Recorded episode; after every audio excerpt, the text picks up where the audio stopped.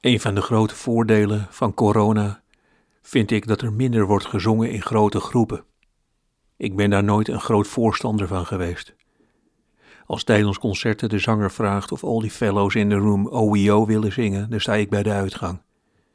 Corona of niet, ik vind dat er voortaan tijdens concerten helemaal niets meer aan het publiek moet worden gevraagd. Dus als de zanger van de nieuwe Britpop-sensatie Swerve Driver in a Forest wil dat we allemaal hell yeah schreeuwen, die gas meteen op zijn rug gooien, dwangbuis om, op de boot naar Harwich zetten en dan wil ik op de kade nog wel een keer yeah fluisteren. In Staphorst mogen ze van mij desnoods zes keer per dag met 600 man over polio zingen. Dat vind ik dan minder erg.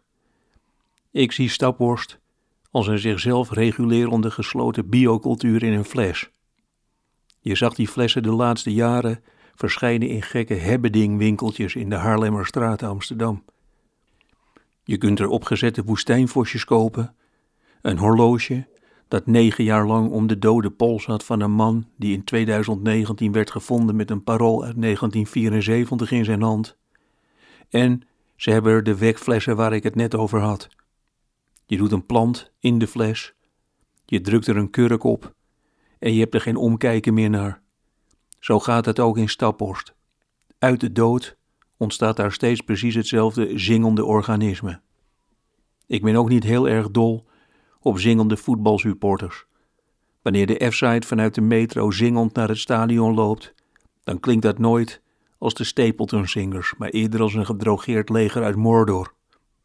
Ik heb eigenlijk maar één keer, met een zeker genoegen, gezongen, samen met een hele zaal vol met mensen. Het was in New York. Om precies te zijn, in de Brooklyn Bowl.